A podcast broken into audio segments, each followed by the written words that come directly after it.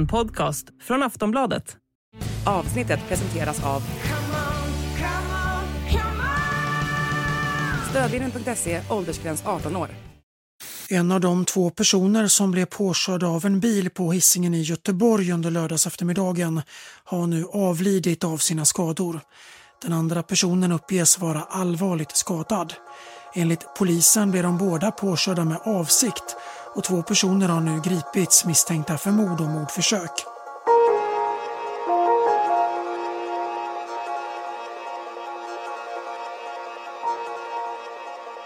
De hade inte en chans att undkomma när bilen kom körande i hög fart emot dem på gatan.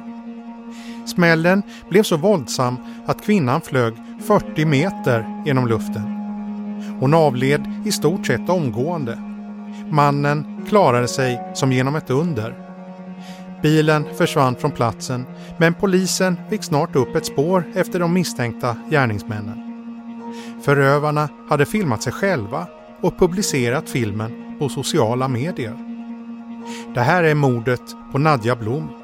Ett avsnitt av podden Aftonbladet Krim. Jag heter Anders Johansson.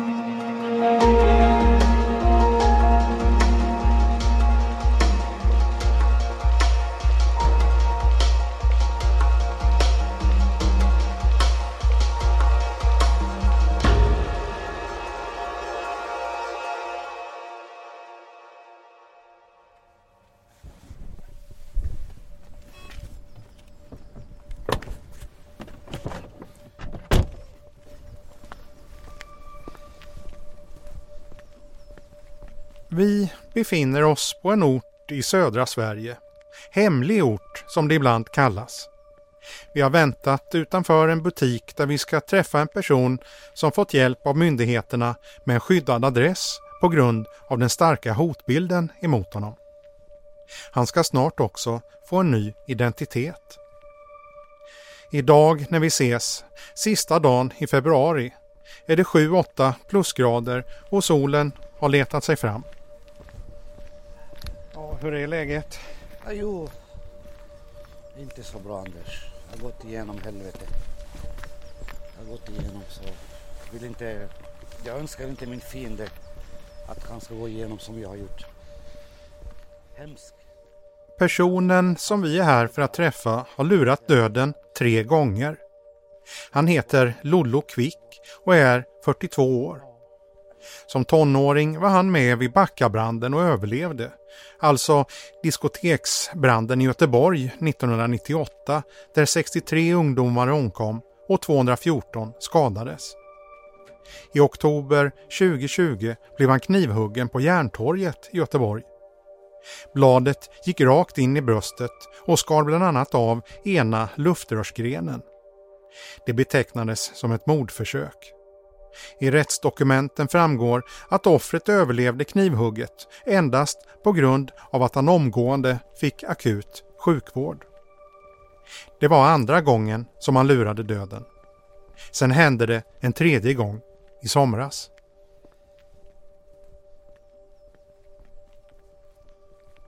Lollo är noga med säkerheten. Han har själv bestämt platsen för mötet. Vi går till den lägenhet som han befinner sig i för dagen. Du behöver inte kasta skor, det bara komma in.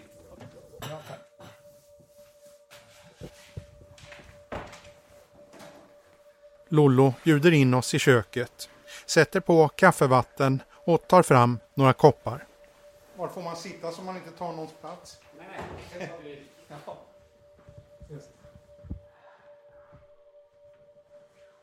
Ni dricker kaffe. Ja, tack gärna.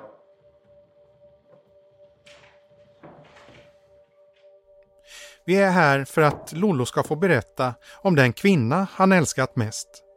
Hon hette Nadja Blom.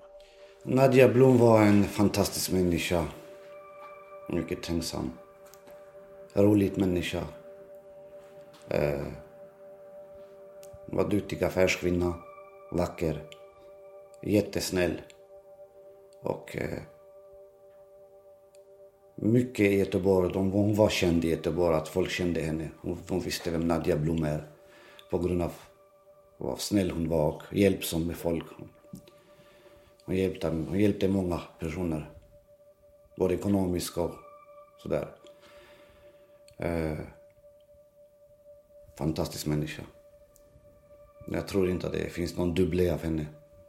Jag tror inte det. Lollos och Nadjas historia börjar för många år sedan. De var båda tonåringar. Första gången jag träffade henne, då var hon 13. Och jag var 16. Och eh, då var jag på besök hos min mamma i Stockholm. Jag visste inte vem Nadja är. Men då bodde hon granne med min mamma i Stockholm. En sommarkväll så möttes de. Nadja skulle till kvarterets kiosk men hon blev nyfiken på Lollo som hängde utanför. Så kom hon till mig och hon bara... Eh, jag går in i kiosken, vill du ha någonting? Och så jag, köp en Coca-Cola. Mer än så hände egentligen inte vid första mötet. Trots att det gått mer än 25 år minns Lollo ändå det där Coca-Cola-köpet väl. Sen gick åren. Två år senare gifte sig Nadja med en annan man. Hon var då bara 15 år. Lollo vill visa en bild och tar fram sin mobil. Jag ska visa det.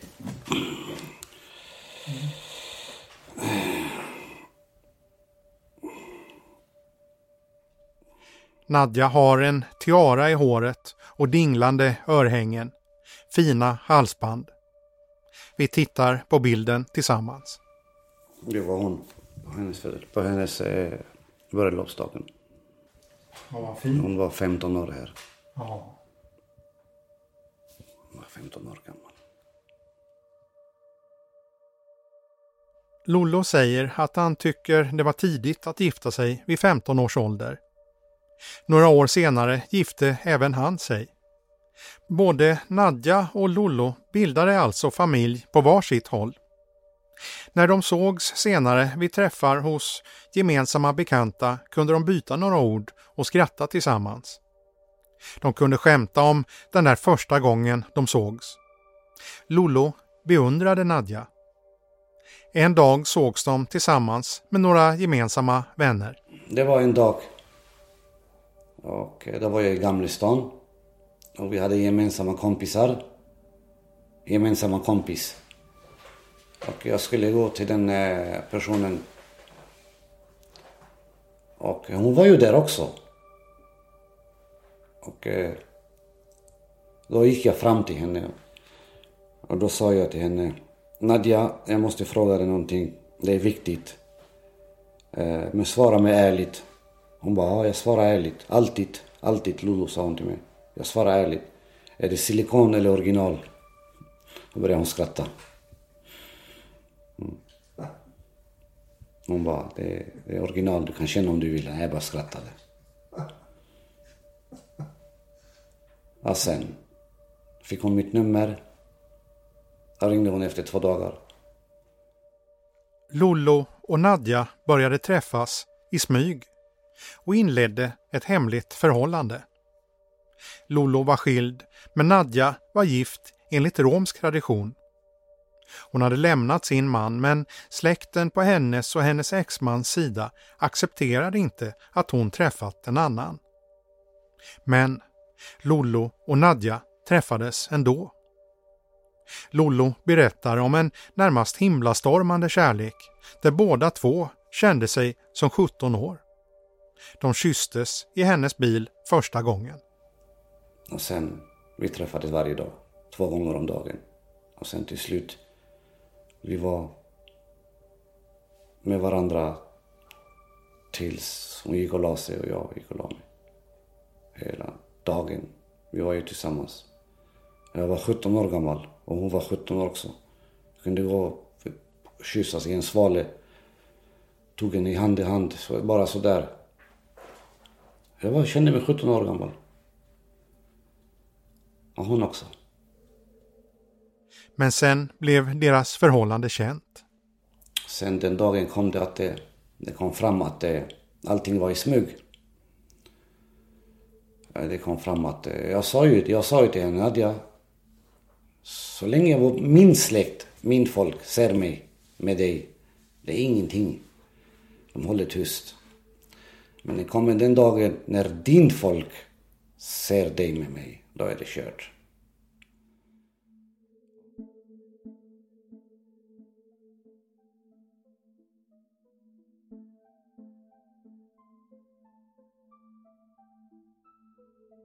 Det här är berättelsen om en kvinna och en man som blir kära i varandra. De är båda romer från två olika släkter. Hon svensk rom och han med rötter i Polen.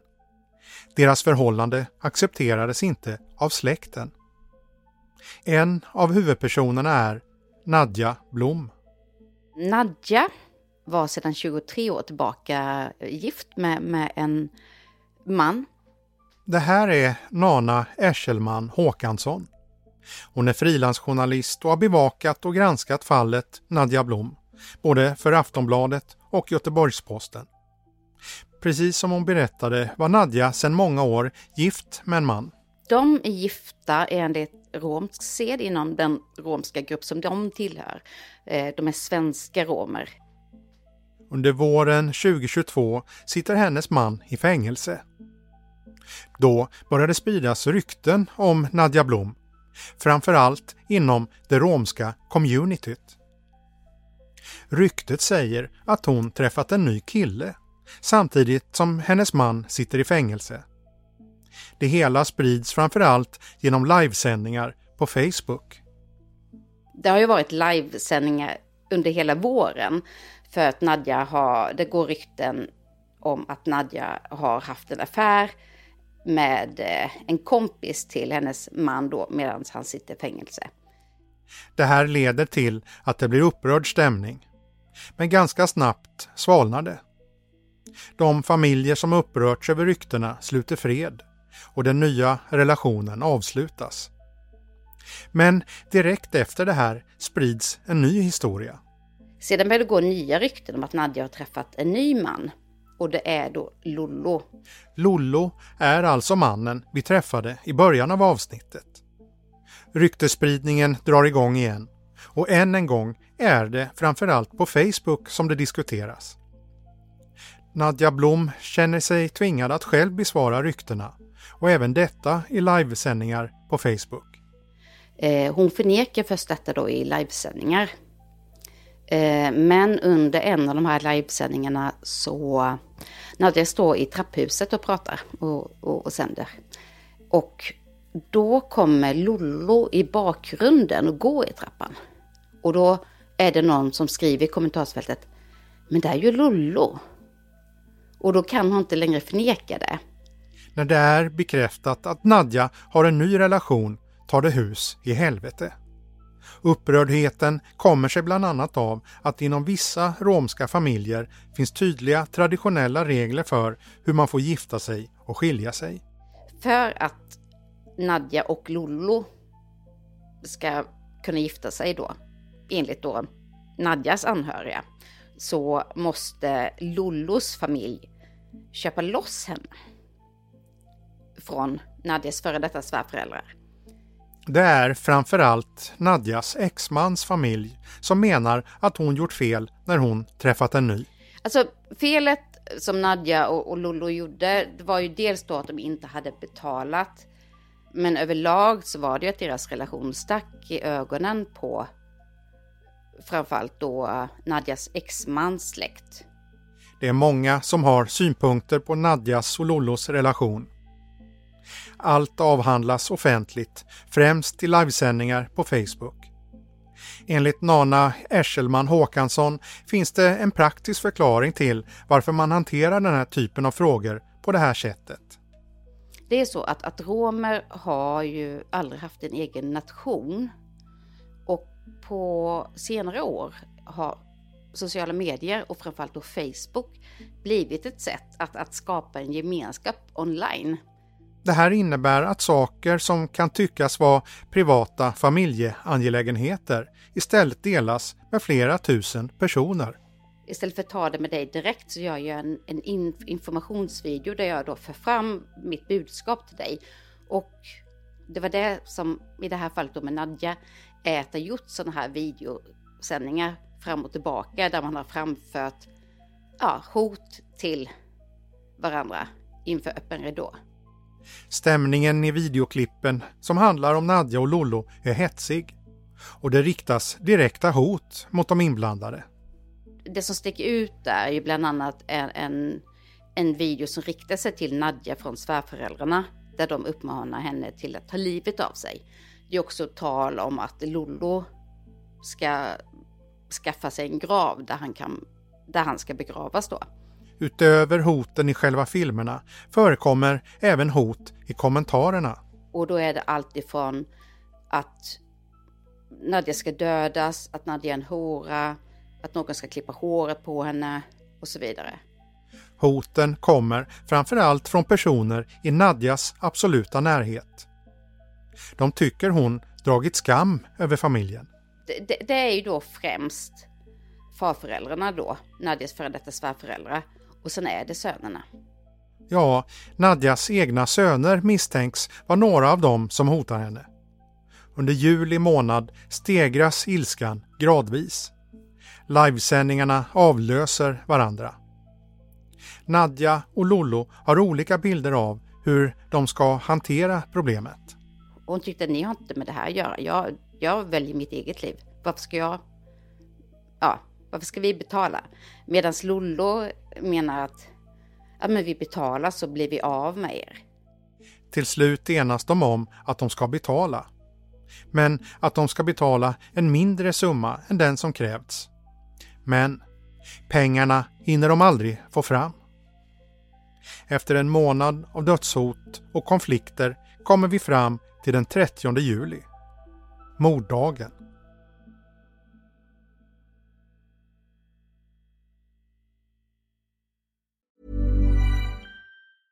Finding your perfect home was hard, but thanks to Burrow, furnishing it has never been easier. Burrow's easy to assemble modular sofas and sectionals are made from premium, durable materials, including stain and scratch resistant fabrics. So they're not just comfortable and stylish, they're built to last. Plus, every single Burrow order ships free right to your door. Right now, get 15% off your first order at burrow.com slash ACAST. That's 15% off at burrow.com slash ACAST.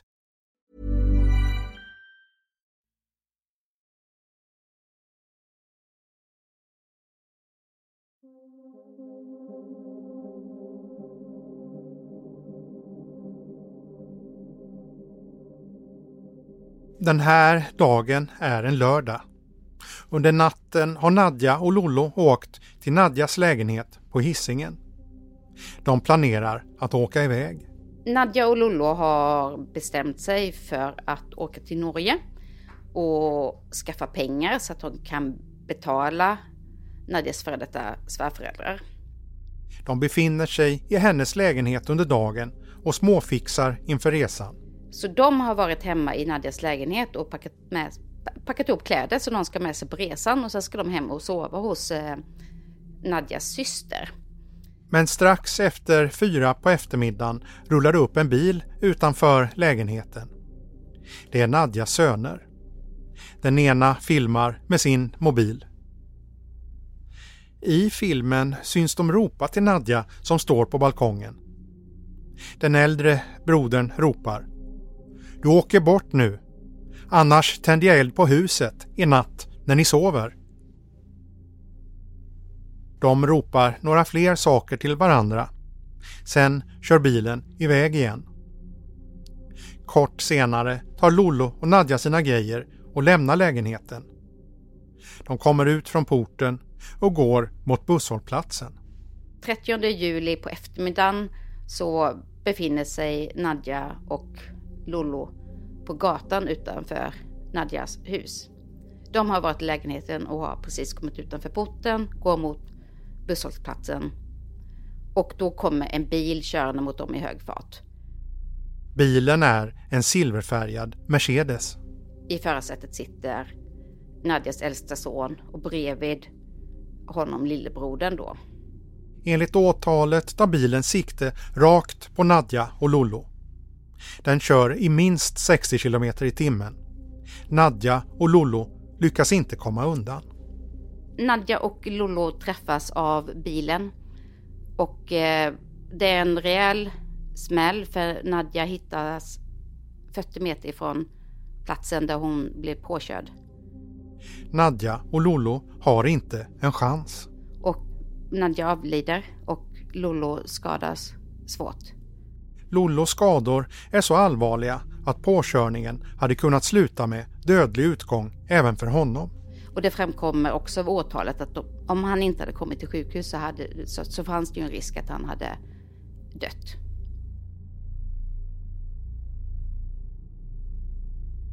Lollo och Nadja fick bara vara lyckliga och nykära i drygt en månad. Lollo berättar själv att påkörningen gick så fort att de knappt hann reagera. Vi hann inte mer än 100 meter därifrån. Sen kom de med full fart. Då sa jag bara, så jag sa ju bara till henne, spring Nadja. Och sen bara smack i luften. Det fanns inte en möjlighet att komma undan. Lollo han bara uppfatta ljudet innan bilen körde in i dem. Jag hörde ljudet och sen jag vände mig och sen tack. Alltså meter, det var så snabbt. Det kom i 100-120 i timmen på en sån. Det var inte så stor väg. Icke Trädgatan där någonstans. Jag hade ingen chans. Jag hade ingen chans. Ingen chans. När Lollo vaknar till efter smällen ser han inte Nadja. Han vet inte om hon lyckats komma undan.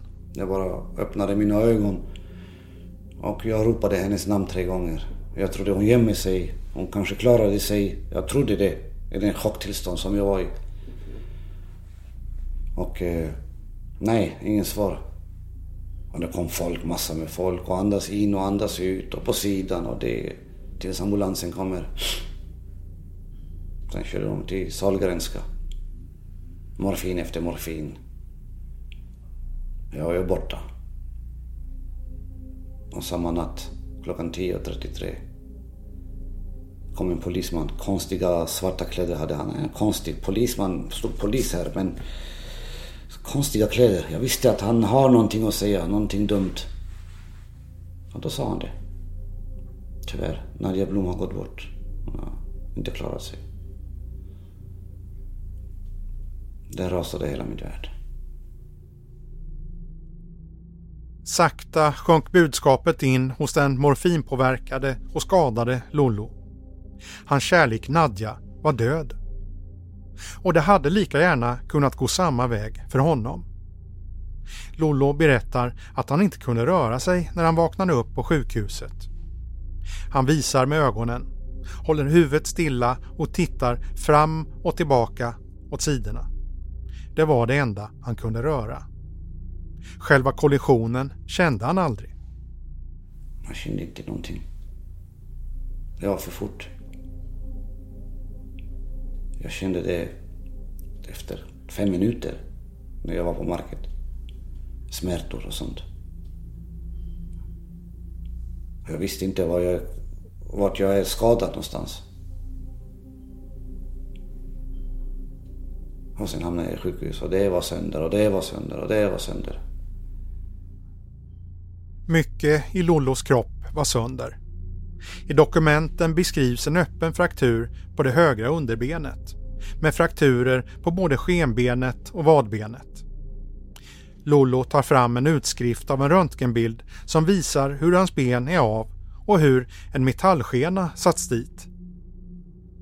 Han fick även en fraktur på ena nyckelbenet och en blödning i buken bakom bukhinnan. Skador som var livshotande om Lollo inte fått sjukhusvård. Han klarade sig samtidigt från att slå i huvudet. Det är orsaken till att han lever idag, tror Lollo. Jag fick inte sådana smällor som jag kunde dö. Det var... Jag träffade inte skallen, det är därför jag överlevde. Hon träffade skallen, därför hon dog. Här rutan.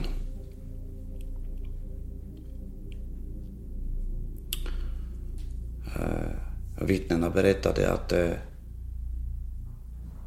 jag var i luften flera meter. Så jag vet inte hur många meter. Två, fyra, ingen aning. Mm. Så jag kommer inte ihåg så mycket jag kommer ihåg bara att jag var på marken. Ambulansen tillbaka till... Alltså de körde mig till sjukhus. Och sen sakta och sakta och sakta. Lollo säger att han tidigt förstod att det inte var någon olyckshändelse. Jag visste att vi blev påkörda. Jag visste det. Men jag hann inte tänka för jag var i chocktillstånd i flera timmar. Jag hann inte tänka.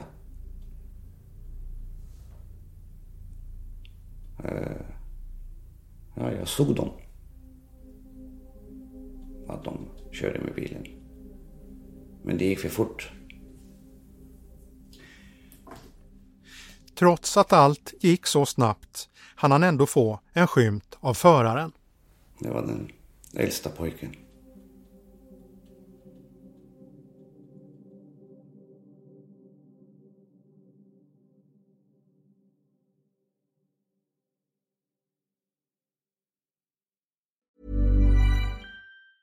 Say hello to a new era of mental health care.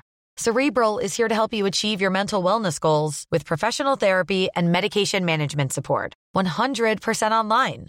You'll experience the all new Cerebral Way, an innovative approach to mental wellness designed around you. You'll get a personalized treatment plan from a therapist, prescriber, or both in a safe and judgment free space. Your cerebral therapist or prescriber will outline a customized plan with clear milestones along the way so you can get to feeling your best. With Cerebral, you're not alone in your mental health journey. We're here to empower you to live a fulfilling life. So take that first step towards a brighter future and sign up today at cerebral.com slash podcast and use code ACasts to get 15% off your first month. Offer only valid on monthly plans. Other exclusions may apply. Offer ends July 31st, 2024. See site for details.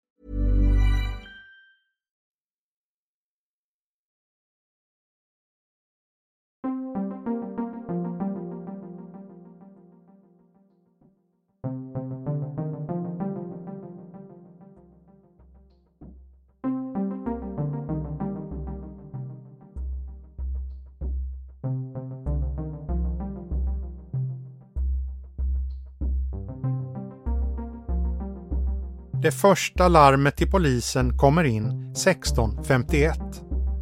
Operatörens kortfattade beskrivning lyder Två personer påkörda. En silvrig metallic Mercedes sedan avvikit från platsen. Såg ut som att siktade. Kom från gångbanan. Stannade till efter kollision och fortsatte sedan. När polisen kommer till platsen några minuter senare beskrivs den som kaosartad. Jakten efter gärningsmännen börjar omedelbart. Bara drygt en halvtimme efter påkörningen har polisen fått upp ett första spår. En person har sett en video på Facebook där en man och en pojke filmar sig själva i en bil. Mm. De kör bilen samtidigt som den äldsta av de två skriker in i kameran. Enligt tipsaren är det Nadjas två söner som syns i videon. I videon syns en sprucken vindruta. Den äldsta av de två röker en cigarett samtidigt som han talar in i kameran. Efter ett tag börjar han skrika på svenska. De låg livlösa på gatan efter att jag var klar med dem. Så är det. Låt vem som helst testa sig med oss nu. Så ska de få se vad vi gör. Han verkar beskriva det misstänkta mord och mordförsök som precis skett. Sen riktar han sig direkt till Lollos pappa. Gå och besök dem på sjukhuset. Det står i din luffa jävel. Jag kommer efter dig också. Senare i videon fortsätter han berätta. Lollo och Nadja nyss. Gjorde jag bara. Det är lugnt, det är så. Lollo och Nadja, ni kan söka upp dem på sjukhus. Vi körde rakt över Lollo och Nadja. Så gör vi. Vad tror om att han lekte? Vi hade kört för själv. Sen riktar han sig till Lollos pappa igen. Mitt på gatan ligger din son. Din son flög över hela bilen 20-30 meter flög din son. Uppgifterna från videon tillsammans med vittnesuppgifter från brottsplatsen gör alltså att polisen snabbt får upp ett spår. De börjar jaga Mercedesen och skickar ut en efterlysning till sina kollegor i södra Sverige. Ungefär samtidigt har fallet nått medierna. En av de två personer som blev påkörda av en bil på hissingen i Göteborg under lördags eftermiddagen har nu avlidit av sina skador. Vid halv sju, knappt en och en halv timme efter påkörningen, ser en patrull något. En Mercedes.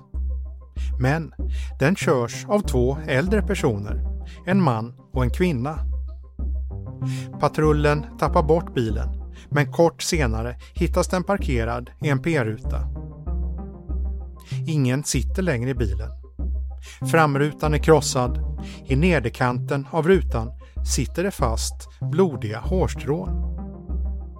Polisen misstänker tidigt att de som kört och parkerat bilen är brödernas farmor och farfar.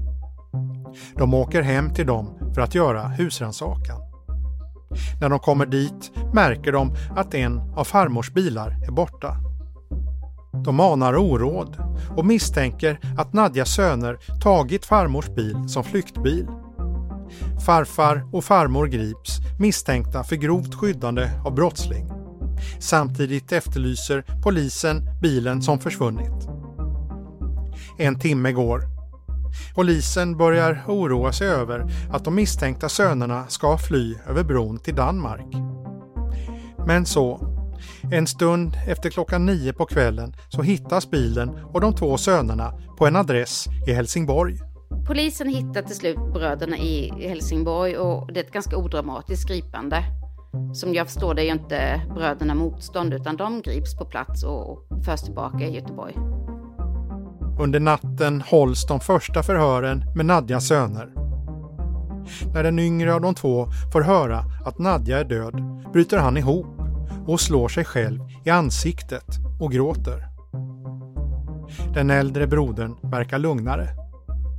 När häktespersonalen skjutsar honom till Göteborg skyller han mordet på sin yngre bror, men verkar i övrigt lugn. Under transporten somnar han. Dagen efter anhålls sönerna tillsammans med farmor och farfar. P4 Göteborg rapporterar. Två personer som misstänks för att avsiktligt ha kört på två personer på hissingen i Göteborg under lördags eftermiddagen är nu anhållna på sannolika skäl misstänkta för mord respektive mordförsök. Ytterligare två personer sitter anhållna misstänkta för skyddande av brottsling. Även de anhållna på sannolika skäl, vilket är den högre misstankegraden. Tre dagar senare häktas sönerna. P4 Göteborg igen. En man i 20-årsåldern och en tonårspojke häktas på sannolika skäl misstänkta för mord efter att en kvinna blev påkörd av en bil och dog i Lundby på Hisingen i Göteborg i lördags eftermiddag. De är båda släkt med den döda kvinnan. Männen förnekar brottsmisstanken. Ja, när de båda bröderna häktas så förnekar de brott. Det låter inte längre som det lät i videon som spelades in direkt efter påkörningen. Det här kommer vara genomgående i förhören med sönerna. Det framgår ju då förhören att ingen av sönerna ville skada sin mamma och i synnerhet inte döda henne. Och främst lillebrodern är ju helt förkrossad. Han, de får avbryta flera förhör för att han får gråtattack och så vidare. Medan den äldsta sonen, han säger ju också då att han inte ville skada sin mamma. Eh, men att han ville skada Lollo. Och det verkar han inte ångra. Efter att de häktas fortsätter utredningen.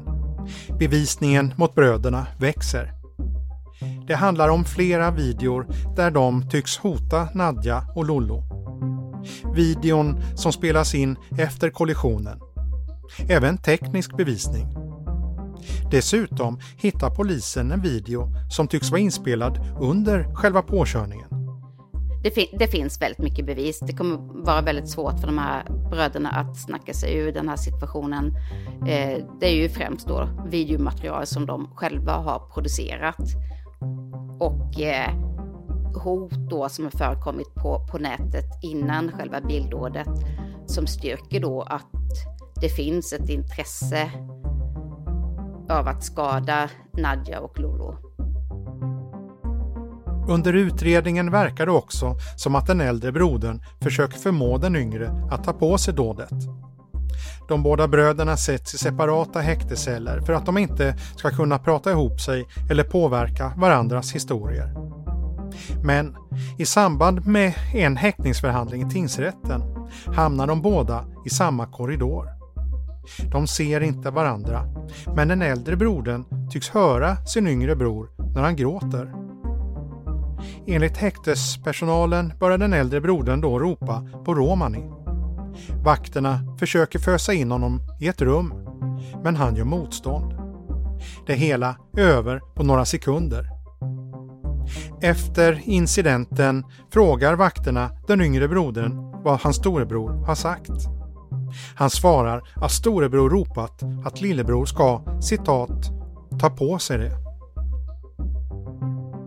Månaderna går och så, i början av mars 2023, väcker åklagaren åtal för mord, försök till mord, olaga hot, grovt skyddande av brottsling och en mängd brott till. En och en halv vecka efter det är det slutligen dags för rättegång.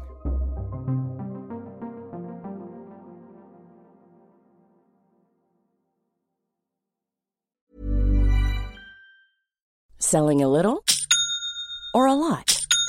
Shopify helps you do your thing however you cha-ching. Shopify is the global commerce platform that helps you sell at every stage of your business. From the launch your online shop stage to the first real life store stage, all the way to the did we just hit a million orders stage. Shopify is there to help you grow. Shopify helps you turn browsers into buyers with the internet's best converting checkout. 36% better on average compared to other leading commerce platforms because businesses that grow grow with Shopify. Get a $1 per month trial period at shopify.com slash work. Shopify.com slash work.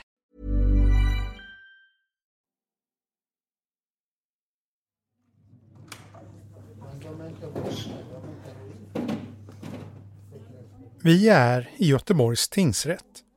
Det är onsdag den 15 mars. Klockan är strax efter åtta.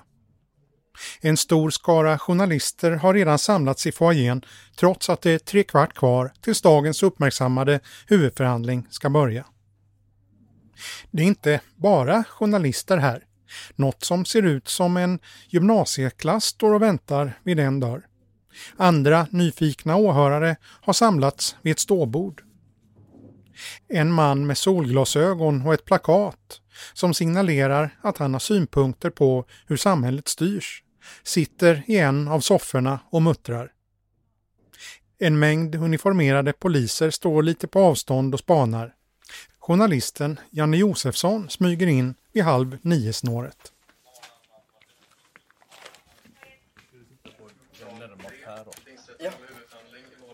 Runt kvart i nio släpps vi ner i sal 3, säkerhetssalen som ligger i källaren.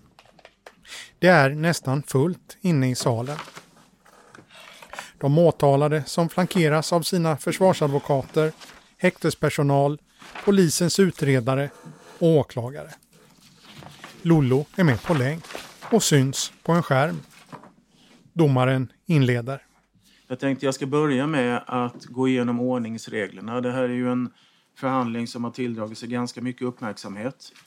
Eh, och vi har eh, ett stort mediaintresse. De båda bröderna sitter vid varsitt bord. De ser finklädda ut. Den äldre i en svart och beige pikétröja. Den yngre sitter med stolsryggen vänd mot oss åhörare. En rosatonad krage syns sticka upp under en mörk tröja. Han har kammat sitt hår. Farmor och farfar är också i salen. Farfar klädd i kostym och farmor sitter bakom honom bredvid sin försvarare.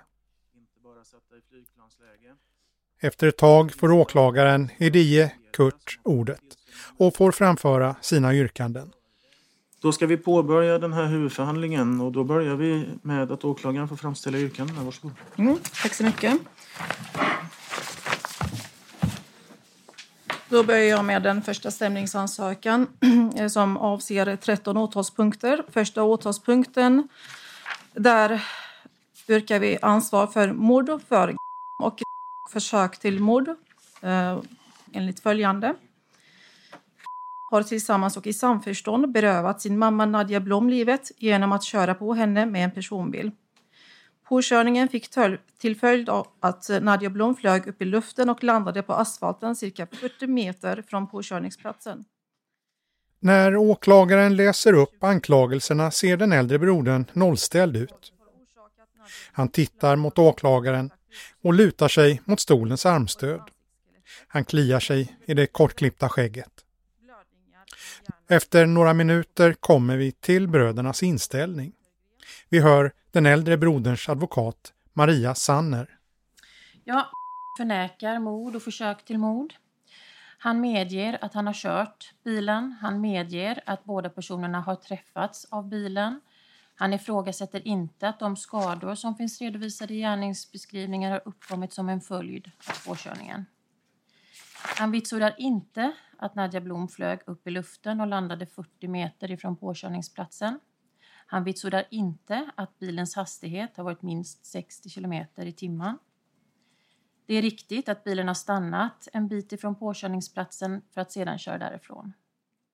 Han erkänner alltså inte mordet, men omständigheterna. Han medger sen ansvar för grov misshandel och vållande till annans död, grovt brott. Han menar att han ville köra på Lollo, men att det var en olyckshändelse att han träffade sin mamma. Gärningarna har inte föregåtts av någon planering att köra på någon, utan har skett i stunden. Han förnekar att gärningarna har begåtts tillsammans och i samförstånd. Han ensam ansvarar för gärningarna. Motivet till gärningarna har inte varit att bevara och eller återupprätta familjen eller släktens förespegling om heder. Han menar alltså också att det är han och bara han som ansvarar för påkörningen. Kort senare lämnas ordet över till den yngre broderns advokat, Sina Safarshad. Tack ordförande. Det blir något kortare från eh, min sida. Förnekar eh, den här gärningen eh, i, i dess helhet. Han har meddelat att han har befunnit sig i bilen men syftet med att åka till aktuell plats den här dagen har varit för att hämta eh, kläder och ingenting annat. Han har inte varit införstådd med eller solidariserat sig med den gärning som sedan vidtog. Efter det får åklagaren utveckla åtalet. Det är allt som allt 13 åtalspunkter. Först och främst det misstänkta mordet och mordförsöket. Men även en rad misstänkta hot, grovt skyddande av brottsling och narkotikabrott. Några anklagelser riktas mot Nadjas söner, andra mot deras farföräldrar. Åklagaren går igenom brotten steg för steg och de misstänkta får berätta hur de ställer sig till anklagelserna. Flera av anklagelserna gäller olika typer av hot. Flera gånger svarar de misstänkta att de vidgår omständigheterna men nekar till brott. Alltså, de går med på åklagarens beskrivning av vad som hänt men menar samtidigt att det inte varit brottsligt. Den äldre brodern sitter och vrider sig i stolen när han lyssnar och verkar lite frustrerad. Hans advokat tycks visa att han ska lugna sig. Under den här första förmiddagen går åklagaren översiktligt igenom åtalet och lägger bland annat fokus på familjerelationer mellan de tilltalade och offren. Vid ett tillfälle verkar farfar, en av de misstänkta, ha synpunkter på åklagarens genomgång och får en tillsägelse av domaren. Det är två av dem som förekommer i utredningen. Det är Nad... Var tyst. Ja, men... Var tyst. Låt åklagaren fortsätta. Sen fortsätter åklagaren. Dokument efter dokument gås igenom som ska ge en bakgrund till vad som lett fram till det misstänkta mordet. Åklagaren berättar bland annat om den romanikris som ska ha hållits på Angereds värdshus den 10 juli. Sen uppgifter om Nadja och Lollos relation och hur Nadja börjat känna sig otrygg efter att deras relation blivit känd. Genomgångar av mobiltelefoner för att knyta de misstänkta till olika mobilnummer. Det är tekniskt och informationstungt. På åhörarplats hörs något som låter som snarkningar. Men sen händer något. Åklagaren spelar upp en sparad livesändning som Nadja Blom själv spelat in. Datumet för inspelningen är den 5 juli. I liven ska Nadja berätta om varför hon lämnat sin man. Ser man liven? Dela, dela, dela snälla. I videon syns Nadja Blom. Hon röker en cigarett, har en vit topp på sig och tittar in i kameran. När åklagaren spelar upp materialet förändras salen. Den yngre brodern tittar ner i bordet. Den äldre rycker en servett och verkar torka något vid ögat. Han tittar ner, håller handen vid sitt ögonbryn. Det är svårt att se om han gråter, men han ser besvärad ut. En kvinna på åhörarplats snyftar. Förlåt, du kavava varkas. Nej mening. Andones jag avte pena förlåt. Nadja pratar. Hon sitter med händerna på bibeln och säger själv att det är för att hon vill visa att hon inte ljuger.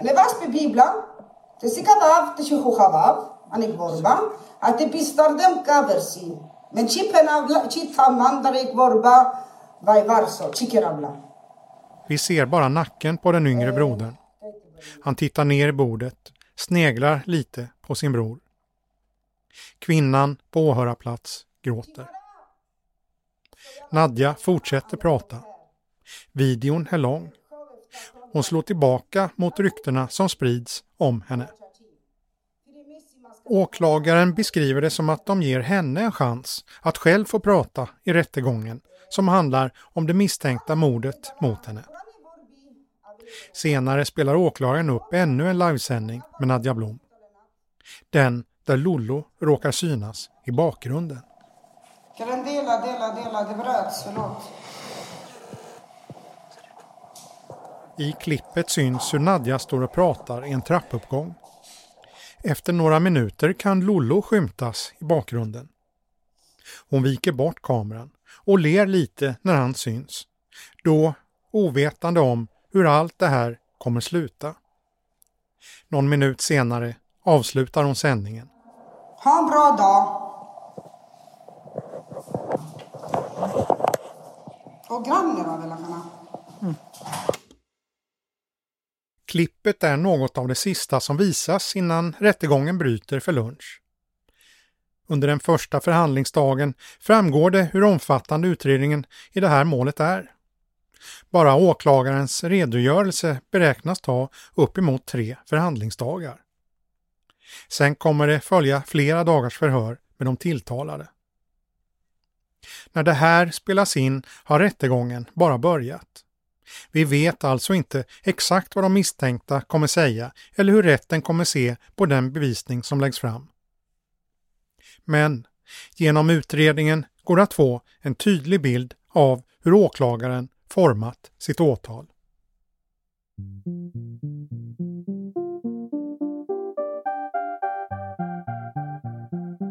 En av de centrala frågorna i det här målet rör själva motivet. Att det ska vara hedersrelaterat. Något som verkar i straffskärpande riktning. Åklagaren gör gällande att motivet här varit att bevara och upprätta familjens och släktens heder. Nana Eschelman Håkansson, journalist som följt det här fallet och som vi hört tidigare, berättar vad åklagaren väger in i den bedömningen. Det handlar ju då om att det är en patriarkal struktur som ligger bakom. Det, det handlar inte bara om att familjen är inblandad utan en hel släkt. Det är kollektivet. Det är hot om våld. Man lägger sig i de inblandades sexualitet. Innebörden är att familjens och släktens intressen är viktigare än vad de enskilda tycker. Nadja och Lollos intressen om hur de ska leva sina liv, det, det är underordnat. Och det här framgår tydligt i utredningen, anser Nana Eschelman Håkansson. Nej, men jag håller med åklagaren där att det är inget snack om saken, att det, det handlar om heder. Det, det handlar om att någon försöker bestämma över Nadja och Lollos liv. Är det då fråga om en romsk hederskultur? Finns det en hederskultur bland romer? Jag, jag, tycker att media har ett väldigt stort ansvar att se, se till att eh, vi måste rapportera om det här, det är vår plikt. Vi kan liksom inte bara sopa det under mattan. Liksom. Det finns hederskultur inom den romska gruppen och, och, det måste vi prata om, annars sviker vi de som blir utsatta.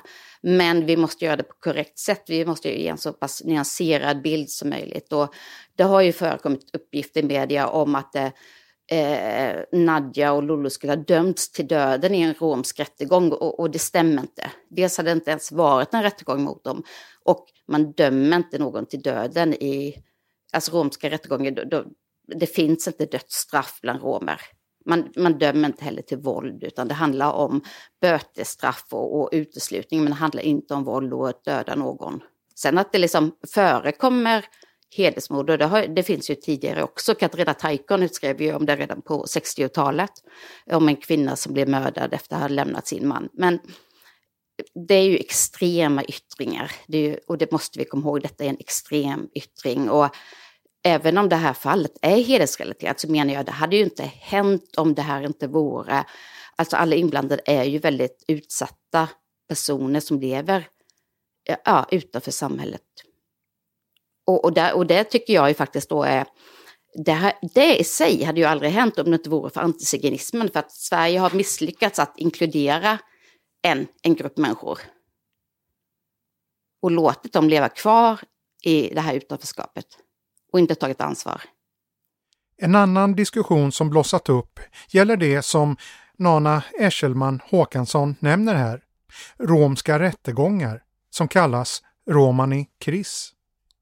I vissa romska grupper är det här ett sätt att lösa problem, till exempel relationsproblem. I utredningen om Nadja Blom framgår att det hållits en romani kris gällande hennes tidigare relation. Där ska det då ha fastställts ett belopp som den mannen fått betala som straff. Pengar hade också diskuterats i Lollos och Nadjas fall, men där hade det aldrig blivit någon egentlig romani kris. Rättegångarna liknar ett parallellt rättssystem, menar Nana Eschelman Håkansson. Ja, men det kan man ju inte säga annat än att det är ett parallellt rättssystem. I synnerhet då när de när det i Romani Krist tas upp frågor som inte existerar inom det svenska rättssystemet. Äktenskapsbrott existerar inte det rätt, inom det svenska rättssystemet. Nana Eschelman Håkansson har som journalist granskat ett tiotal romska rättegångar som varit dokumenterade genom att de är filmade och utlagda på Facebook.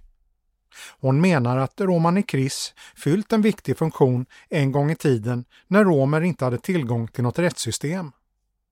Men idag tycker hon att de flesta frågor som tas upp är högst privata och någonting som ingen annan ska bestämma över. Den stereotypa bilden av romer är ju att det är en nomadgrupp som, som åker runt och bor i husvagn och tält. Men det är ju inget självvalt utan romer har ju inte fått bo mer än ett visst antal dagar på samma ställen. De har inte haft tillgång till skola, de har inte haft tillgång till rättsväsende och så vidare.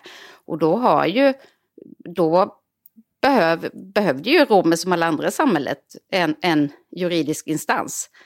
Eh, men idag, det, ja, men detta var ju för hundra år sedan.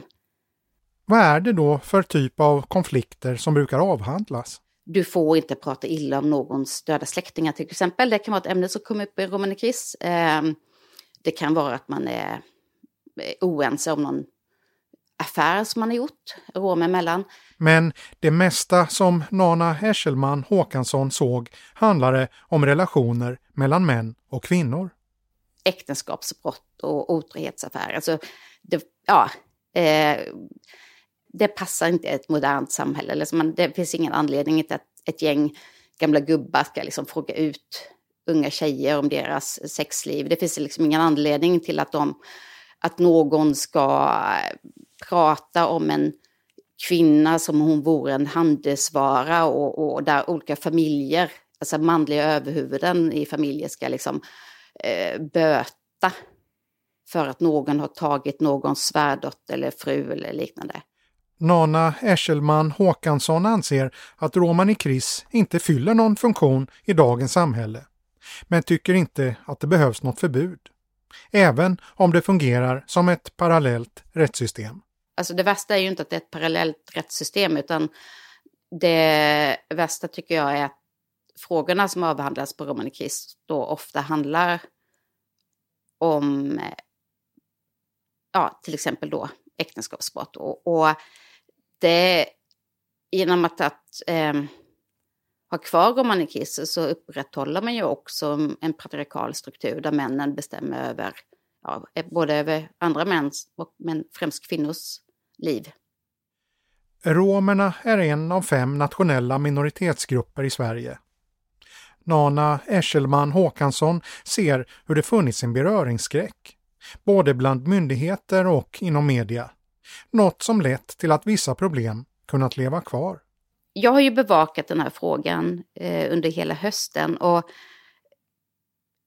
och då har det varit så återkommande att jag har fått så här, men jag, jag har faktiskt, jag har aldrig gråtit så mycket i samband med jobbet. Jag har verkligen, eh, främst faktiskt, alltså när jag har läst översättningar av Romade Kiss och vad som har sagts där. Eh, det här kvinnohatet eh, som finns. Som exempel på kvinnohat och hedersförtryck som hon funnit vid sin och Göteborgs-Postens granskning nämner hon bland annat straffet att klippa av kvinnor håret samt barnäktenskap och romani kris. Och då har jag tänkt så här, men hur kan det här liksom existera i ett modernt samhälle? Och, och varför gör ingen någonting åt det? Nana Eschelman Håkansson anser att problem med hederskultur måste kunna diskuteras oavsett var de förekommer. Det olagliga romregistret som avslöjades hos polisen i Skåne för tio år sedan har lett till en beröringsskräck som försvårat det här, menar hon. Det värsta som hände efter det är liksom att det funnits en att det blev en beröringsskräck, att, man, att myndigheter inte riktigt vågar ta de här frågorna och inte media heller, för de är rädda för att liksom bli utpekade som eh, antiziganister. Och man har liksom lämnat romerna i sticket. Liksom. Saker har fått fortgå, för man har inte vågat ifrågasätta. Alltså inom, inom alla grupper, inom andra, alla kulturer finns det ju inslag som, in, som är mindre trevliga och, och då måste man våga ta tag i.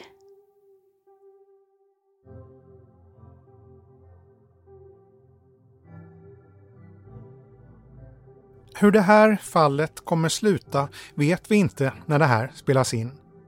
Rättegången väntas hålla på en bit in i april. Allt som allt tros den pågå i 18 dagar. De båda bröderna nekar till mordanklagelserna även om de erkänner att de suttit i bilen. Det är värt att påpeka att varken de eller några av de andra åtalade är dömda när det här avsnittet släpps. Lollo, som vi hört tidigare i avsnittet, överlevde det misstänkta mordförsöket. Det gjorde inte hans stora kärlek Nadja. Det är det som gör att Lollo hamnar i en bubbla med sina tankar. Han kan sitta och stirra in i väggen i flera timmar. Tänk om vi skulle inte gå ner. Tänk om eh, vi skulle ringa polisen. Tänk... Och om jag skulle inte göra det, hon skulle leva och allting. Jag hade så många möjligheter i handen. Plus att jag känner mig skyldig till hennes död också. Men samtidigt, det är jag inte skyldig. För att var inte jag som dödade henne. Lollo säger att han är tacksam över stödet han fått från samhället efter det misstänkta mordförsöket. Samtidigt finns det fortfarande en hotbild mot honom. Och där finns det, som han ser det, bara en utväg. Den dagen jag träffar dem, då blir det mig eller dem. Det blir mig eller dem. Jag, säger, jag sa till polisen också. Kommer jag hinna före då är det de. Kommer de hinna före, då är det jag. Och jag är beredd till det. Du eller de som dör? Mm. Och jag är beredd till det. Enligt Lollo anklagas han för Nadjas död. Han vill inte peka ut några specifika personer men låter förstå att det handlar om släkt på Nadjas sida. Träffar de på varandra kommer det bli en blodig uppgörelse. Det är en tanke som plågar honom. Saknaden efter Nadja är en annan. Hon betydde allt. Min dröm, min framtid, mitt lycka, min kärlek. Hon var allt. Jag har aldrig älskat en kvinna så mycket som jag älskade hon. Jag älskar henne. Jag var gift i 20 år. Jag hade två förhållanden innan. Jag har barn med två olika kvinnor. Men det var, jag kände aldrig någonting som jag kände från Nadja. Det var ren kärlek, ingenting annat. Det var bara pussar och kram hela dagarna. Lollo och Nadja fick bara vara tillsammans en kort tid. De hade bestämt sig för att betala för att få vara i fred. Men nu blev det inte så. Nu ska det istället bli en rättegång om mord och mordförsök. Åklagaren gör alltså gällande att motivet är hedersrelaterat. Att det skulle röra sig om ett hedersmord. Men Lollo tycker att det är fel att kalla dådet för hedersmord. Sånt finns inte i romsk kultur, säger han. Vi har inte det. Vi har inte heder. Nej. Det var bara... De tog lagen i sina egna händer. De gjorde det. Hade ingen heder eller någonting. Vi har inte det. Absolut inte. Nej. Det ser så ut, ja, men nej, det är det inte. Om det bedöms finnas ett hedersmotiv kan det leda till strängare straff. Hur det bedöms i slutändan återstår att se. Lollo har för sin del tänkt mycket på vad han förväntar sig att rättegången ska leda till. Det är rättvisa. Det är rättvisa. Bakom galler i många år.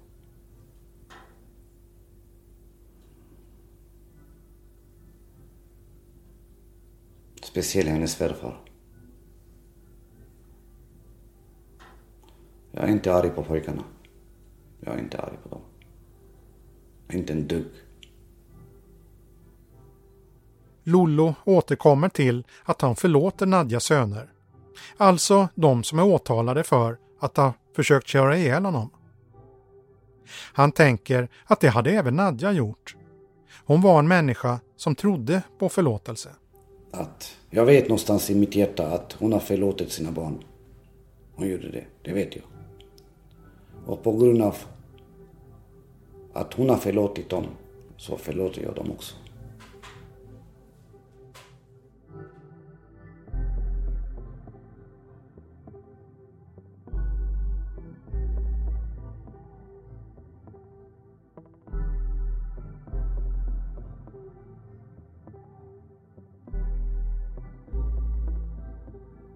Du har lyssnat på ett avsnitt av podden Aftonbladet Krim. Klippen i programmet kommer från Sveriges Radio P4 Göteborg. Producent var Marcus Ulfsand. Jag heter Anders Johansson.